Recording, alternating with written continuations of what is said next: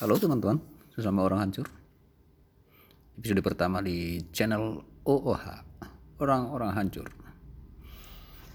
Eh, kita mau membahas tentunya tentang orang yang juga hidupnya adalah orang yang hancur. Siapa dia? Dia adalah salah satu tokoh Alkitab yang hidupnya sangat hancur yang mungkin teman-teman juga sudah tahu siapa dia. Dia adalah seorang pemungut cukai. Udah mulai tahu ya. Dan bukan hanya pemungut cukai, tapi dia adalah seorang kepala pemungut cukai. Orang oh ini benar-benar hancur ya, sangat hancur. Kenapa? Karena yang pertama, orang ini kerjanya adalah memeras orang lain. Artinya dia memungut cukai lebih dari yang seharusnya. Yang kedua, orang ini bekerja untuk penjajah Romawi pada waktu itu. Misalnya jika dia harus menyetor 300 ribu ke penjajah, maka dia menarik meminta 600 ribu. 300 untuk dia, 300 untuk disetorkan ke penjajah. Bayangkan teman-teman.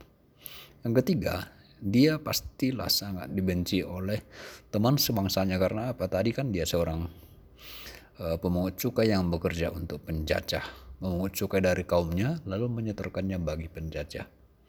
Makanya sangat wajar jika orang ini sangat disisihkan, sangat dibenci oleh masyarakat sebangsanya. Dan mungkin ada lagi hal-hal yang teman-teman tahu tentang profil seorang Zacchaeus yang hancur ini teman-teman bisa mencatat sendiri atau mengingat-ingat sendiri apa yang pernah teman-teman dengarkan tentang tokoh kita yang satu ini. Kawan kita yang hancur satu ini. Dan yang paling melekat tentunya dalam pikiran dan ingatan kita adalah bahwa dia adalah orang yang berbadan pendek. Udah pendek, hancur lagi hidupnya. Jadi benar-benar hancur lah. Teman-teman, coba bayangkan sejenak orang seperti Zacchaeus ini adalah tetangga kita, tetangga Anda. Lalu dia pungut uang dari Anda, dari kita, dari kamu.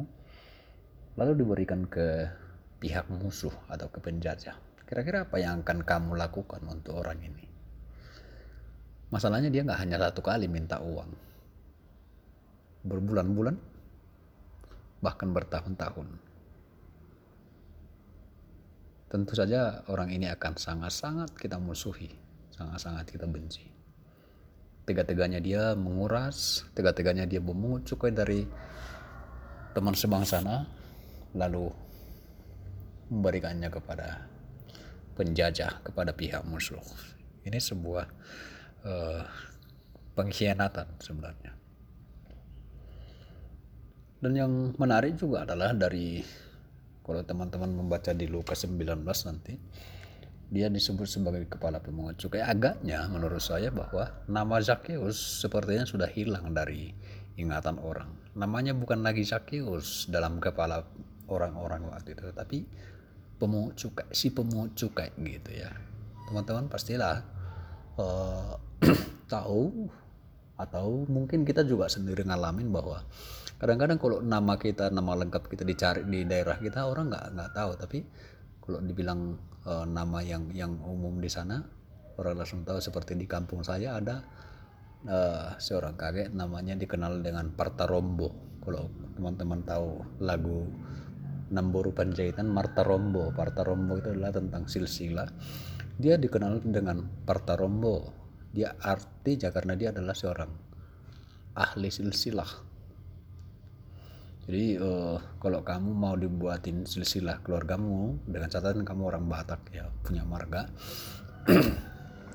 tinggal nanya siapa dia akan nanya siapa kakekmu, lalu dia akan membuat silsilah mulai dari kakeknya kakekmu, uh, kakekmu sampai uh, orang tuamu sampai ke dirimu, dia bisa menjelaskan, menggambarkan dalam uh, kertas yang yang lebar uh, silsilah keluarga kalian dihafal tanpa melihat uh, buku atau apa enggak. Dia ingat semua di tinggal tulis seperti semua silsilah itu udah di di kepalanya. Makanya dia disebut sebagai Partarombo. Namanya nggak nggak ada orang yang tahu. Tahu tahu sebenarnya kalau orang kampung itu. Tapi dia akan dikenal sebagai seorang Partarombo di sana ya. Jadi Zakius juga demikian saking saking uh, melekatnya dia bagi dia seorang pemungut cukai maka dia dipanggil sana. Bukan lagi si Zakeus tapi si pemungut cukai begitu. Jadi uh, yang menarik adalah di kisah ini kita menyaksikan bahwa waktu itu Yesus lewat melintasi kotanya Zakeus yaitu kota Yeriko. Berjalan terus melintasi kota itu ya. Waktu itu Yesus oh, sorry uh, sedang tenar-tenarnya lagi viral kalau bahasa kita sekarang ya. Jadi karena apa? Sebelum-sebelumnya Yesus sudah melakukan banyak mujizat, mujizat uh, seperti menyembuhkan orang kusta, membangkitkan orang mati, memberi makan lima ribu orang hanya dengan lima roti dua ikan dan lain-lain sehingga kisah tentang Yesus ini terdengar ke mana-mana ya, lagi viral. Jadi uh, akhirnya apa yang terjadi teman-teman? Followers Yesus begitu banyak. Kalau di di di zaman kita sekarang mungkin ada yang minta selfie ada yang minta apa namanya tanda tangan dan segala macam. Minta uh, nama Facebook dan lain-lain. Jadi dan Zakheus si orang hancur ini teman kita ini tahu bahwa Yesus yang lagi viral itu sedang ada di kotanya dan dia juga pengen dong ketemu dengan dengan sosok yang yang fenomenal ini sosok yang uh, luar biasa ini sudah ternama.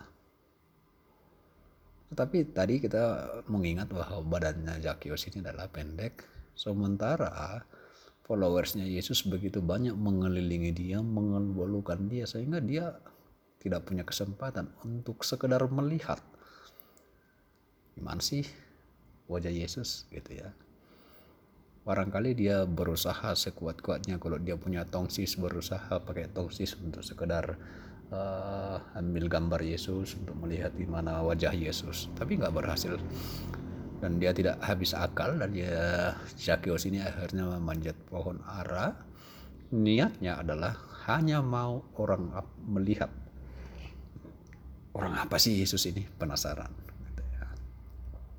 Menarik bagi saya adalah apa yang Yesus lakukan ketika ia tiba di bawah pohon tempat Zacchaeus memanjat? Sekali lagi teman, coba sejenak bayangkan kamu adalah Yesus. Oke. Okay? Bayangkan kamu adalah Yesus dengan followers yang begitu banyak. Artis ceritanya ini. Banyak fans yang selalu mengermuni minta selfie, minta tanda tangan, segala macam gitu ya, sekedar salaman, mengeluh-elukan nama Anda. Kira-kira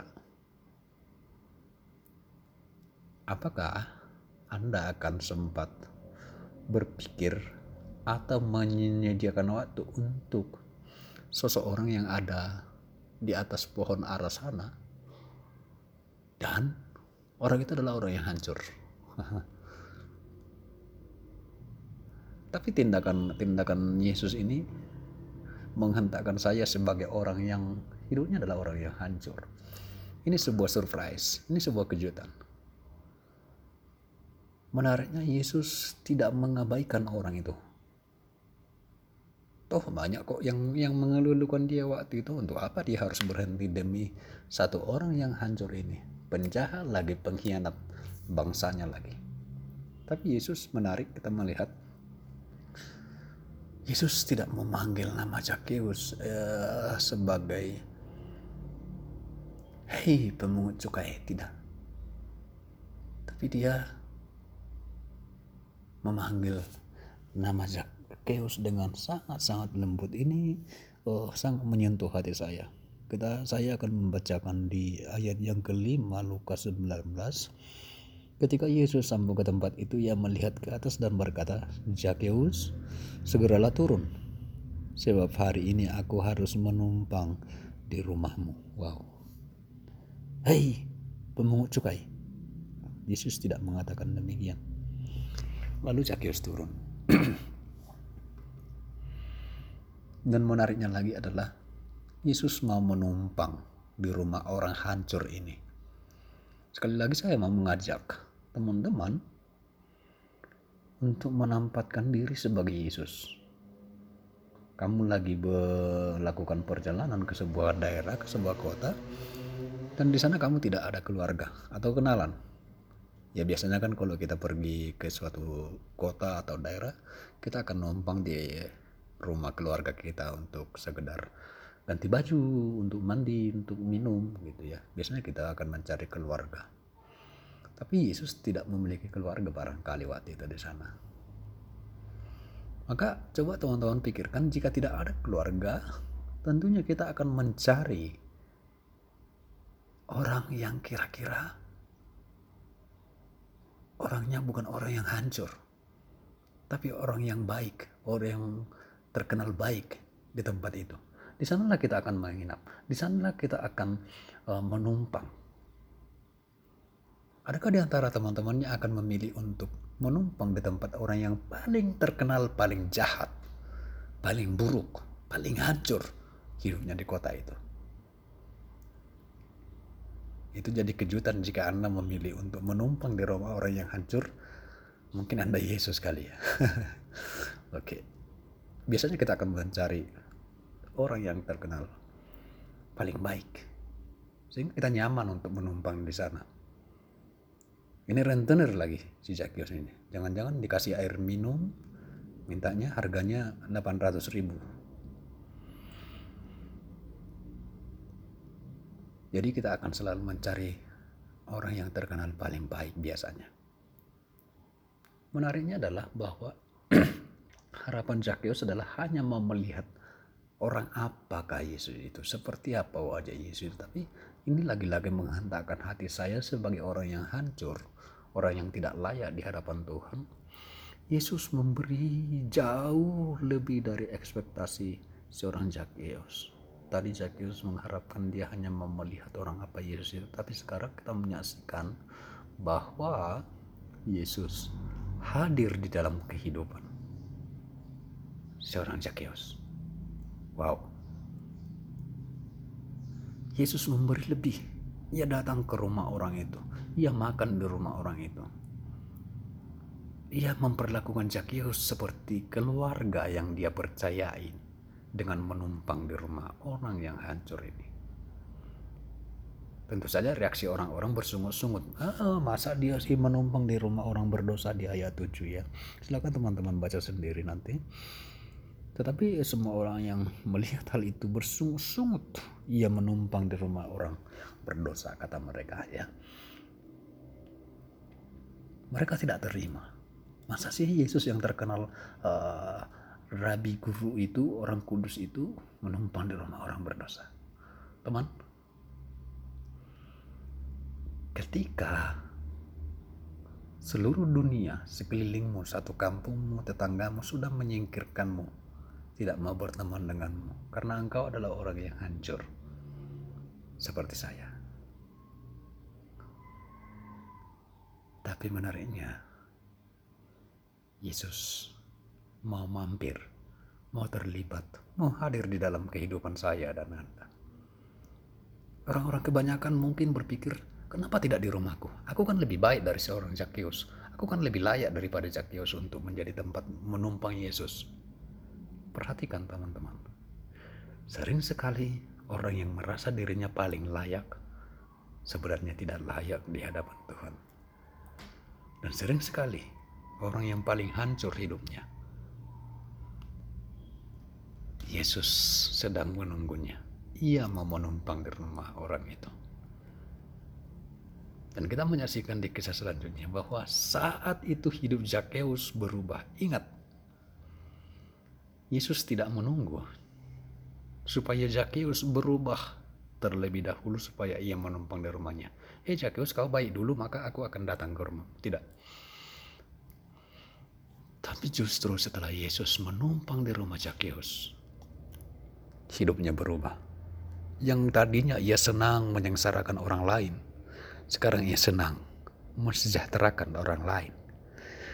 Yang tadinya ia hanya mengejar keuntungan pribadi, sekarang ia mengupayakan kemakmuran orang lain. Nah, jika sedemikian hancurnya seorang Zakheus ini, Yesus mau menumpang di rumahnya. Maka kita pun orang-orang hancur sama seperti Zakheus, sama seperti saya. Yesus selalu menunggu kita untuk turun dari atas pohon kita. Merendahkan diri kita dan menyambut Yesus. Menikmati cintanya yang hangat, cintanya yang lembut. Yesus selalu menanti orang-orang yang hancur.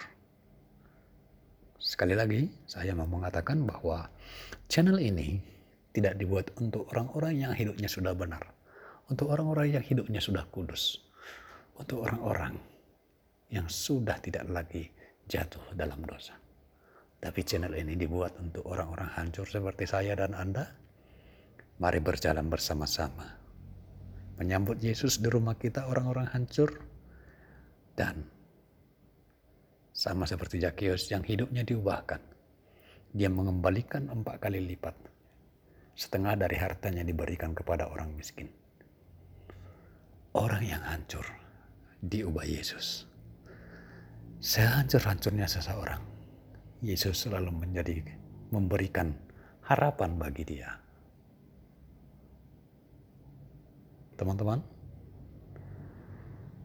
mari Jangan takut untuk datang kepada Yesus, sebab Dia di depan sana menunggu kita untuk datang menjumpai Dia. Salam pulang orang-orang hancur.